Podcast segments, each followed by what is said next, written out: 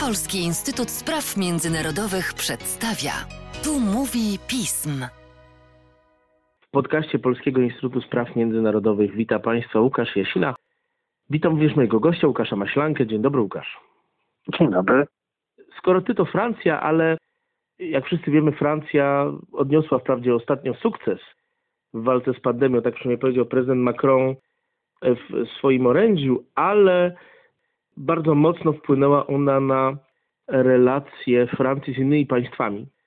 Mniejsza w tym momencie o kwestie europejskie, o których sobie pewnie jeszcze nie jeden raz porozmawiamy, ale podobnie jak w wypadku Stanów Zjednoczonych, podobnie jak w wypadku Niemiec, bardzo mocno wpłynęła kwestia pandemii na relacje chińsko-francuskie, które miały dla Francji bardzo mocne znaczenie przed, przed wybuchem epidemii. Jak te stosunki między Francją a Chinami w tej chwili wyglądają? Zarówno w kontekście pandemicznym, jak też w kontekście relacji Francji z Tajwanem, które były zawsze bardzo mocne, i mm, w kontekście też zamieszek w Hongkongu, które bardzo mocno odbiły się w, we francuskiej opinii publicznej. Relacje francusko-chińskie, relacje z Chinami są dla Francji ważne pod dwoma względami. Otóż e, po pierwsze relacje gospodarcze. Obroty handlowe między Francją a Chinami to około 70 miliardów euro rocznie.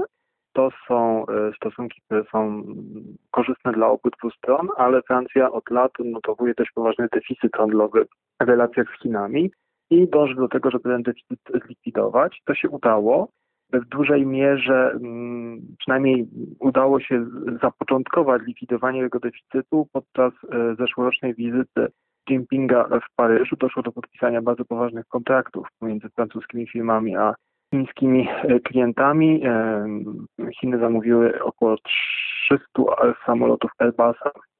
Poza tym Francuzi mają też budować farmę wiatrową offshore e, w Chinach. E, to były bardzo poważne zamówienia na kwotę około 40 miliardów euro, więc te obroty handlowe pomiędzy Chinami a Francją oczywiście odgrywają ogromne znaczenie, ale są też relacje polityczne. Francja jest e, stałym członkiem Rady Bezpieczeństwa ONZ. Tej Radzie Bezpieczeństwa oczywiście ona reprezentuje w dużej mierze państwa zachodnie, ale Francja zawsze chciała prowadzić swoją trochę odrębną politykę. E, ale żeby móc prowadzić taką odrębną politykę wobec pozostałych mocarstw, to trzeba utrzymywać stosunki ze wszystkimi. Nie można żadnego z nich do siebie nastawić zbyt wrogo, ale też nie można ustępować innym mocarstwom zbyt za bardzo, bo to może się obrócić przeciwko e, stosunkom z innymi mocarstwami. Tutaj Chiny są ważne dla Francji, jeżeli chodzi o współpracę na rzecz utrzymania umowy z Iranem o tej umowy, która ma przeszkodzić Iranowi w uzyskaniu broni jądrowej, której wycofały się Stany Zjednoczone. W związku z tym zarówno dla samej Francji, jak i dla Unii Europejskiej kluczowym jest tutaj e, dalszy udział Chin i nacisk Chin na Iran w utrzymaniu tej umowy oraz działania na rzecz ochrony klimatu i co ostatnio, zwłaszcza w kontekście pandemii, ma znaczenie, prawdopodobnie od e, zwierzęcego pochodzenia wirusa e, na rzecz ochrony bioróżnorodności. Jeżeli chodzi o Tajwan, to Chiny, to Francja, podobnie jak inne kraje zachodnie, a także same Stany Zjednoczone nie, utrzymu, nie utrzymują oficjalnie stosunków dyplomatycznych z Tajwanem. Prowadzą tutaj politykę jednych Chin, ale to nie znaczy, że jest los Tajwanu jest Francji czy innym krajom zachodnim obojętny. Wiemy, że Tajwan ma umowę obronną ze Stanami Zjednoczonymi.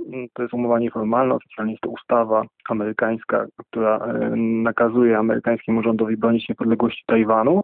I fakt sprzedaży broni Tajwanowi jest też takim wyznacznikiem mocarstwowości. To znaczy państwo jest na tyle silne, że może sobie pozwolić na to, by prowokować Chiny ludowe w ten sposób, że sprzedaje broń e, Tajwanowi. Francja jest jednym z takich państw. Co do takiej ostatniej wielkiej transakcji sprzedaży broni doszło na początku lat 90., ale teraz Tajwan chce modernizować swoją flotę, flotę, które mają bronić wyspy przed ewentualną agresją Chin i chce zakupić e, do swoich okrętów nowe systemy antyrakietowe i mają to być systemy francuskie. Francja zgodziła się na tę transakcję i jest zdeterminowana, by do niej doprowadzić, nawet mimo sprzeciwu Chin. E, Chiny bardzo energicznie interweniowały na poziomie dyplomatycznym, e, wystosowywały nawet rozmaite pogróżki w stosunku do Francji, ale Francja jest tutaj konsekwentna. Ale takim świadectwem odrębności polityki francuskiej jest jej stosunek do Hongkongu. Tutaj Francja y, ma stosunek dość brutalnie realistyczny, to znaczy wychodzi z założenia, że skoro w 1997 roku doszło do przekazania wyspy z Wielkiej Brytanii Chińskiej Republice Ludowej, no to los Hongkongu został wtedy przypieczętowany. I fakt, że teraz Chiny decydują się na tak brutalne złamanie autonomii wyspy, no to jest zjawisko, którego należało się spodziewać. W związku z tym Francja nie widzi tutaj e, specjalnie powodu, żeby nadwyrężać swoje relacje z Chinami właśnie w tym celu. I dlatego raczej nie dołączy tutaj do państw anglosaskich e, w tych jakichś gwałtownych reakcjach na łamanie autonomii Hongkongu, chociaż oficjalnie oczywiście będzie protestowała. A kiedy Francji bardziej opłaca się grać na tym europejskim fortepianie? Być tym członkiem Rady Bezpieczeństwa, trochę reprezentującym Europę i reprezentującym też europejską politykę, czasami w wypadku Chin, a kiedy bardziej opłaca się Francji i bardziej z praktyki gra wyłącznie na tym swoim wyłącznym francuskim mocarstwowym fortepianie? Francja z jednej strony czuje słabość, kiedy występuje samotnie w stosunku do Chin i dlatego zawsze będzie popierała wszelkie działania wspólnotowe, europejskie na rzecz jakichś takich twardych działań mm, obronnych przed chińską ingerencją. I dlatego po, y, popiera mm, silniejszą współpracę służb wywiadowczych państw członkowskich Unii Europejskiej Popiera te rozmaite dążenia podejmowane przez Komisję Europejską, a następnie przyjmowane przez państwa unijne na rzecz zabezpieczenia się przed chińskim szpiegostwem e, przemysłowym, przed kradzieżą patentów, przed łamaniem praw autorskich. W sprawie 5G Francja nie ma e, jeszcze zbyt wyraźnie mm, ukształtowanego stanowiska, to zwłaszcza chodzi o udział koncernu Huawei ponieważ francuskie, francuscy prywatni operatorzy komórkowi chcą współpracować z Huawei, ale z drugiej strony Francja też y, współuczestniczyła w tworzeniu y, tego zbioru zasad y, Unii Europejskiej.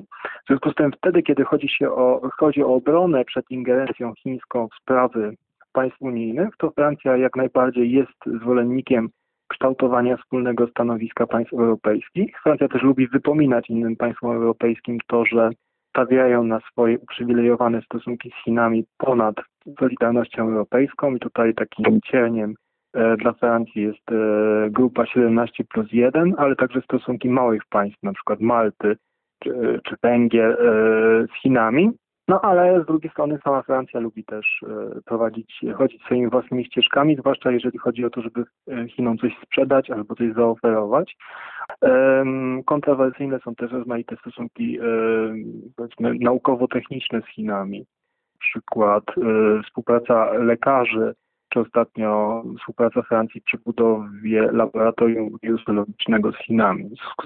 W związku z tym tam, gdzie chodzi o relacje handlowe, tam gdzie chodzi o rywalizację, o dostęp do chińskiego rynku, tam gdzie w grę wchodzą naciski francuskiego lobby przemysłowego, to wtedy Francja będzie stawiała na współpracę dwustronną i niekoniecznie będzie się oglądała na Solidarność Europejską.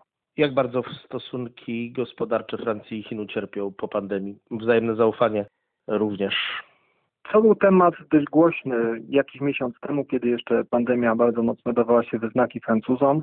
Tutaj te rozmaite działania chińskie na rzecz zatajenia rozmiaru tej epidemii były głośno komentowane w prasie francuskiej. E, proszę e, sobie wyobrazić, że okazało się na przykład, iż pierwsze przypadki zachorowań na COVID we Francji były już pod koniec listopada 2019 e, roku. To, to, są informacje potwierdzone, które no, w pewien sposób wywracają naszą wiedzę o chronologii przebiegu tej pandemii na świecie. Znaczy nie wiemy dokładnie, kiedy ten wirus się w Europie tak naprawdę pojawił, skoro Pierwsze potwierdzone przypadki e, pochodzą już z końca listopada 2019 roku.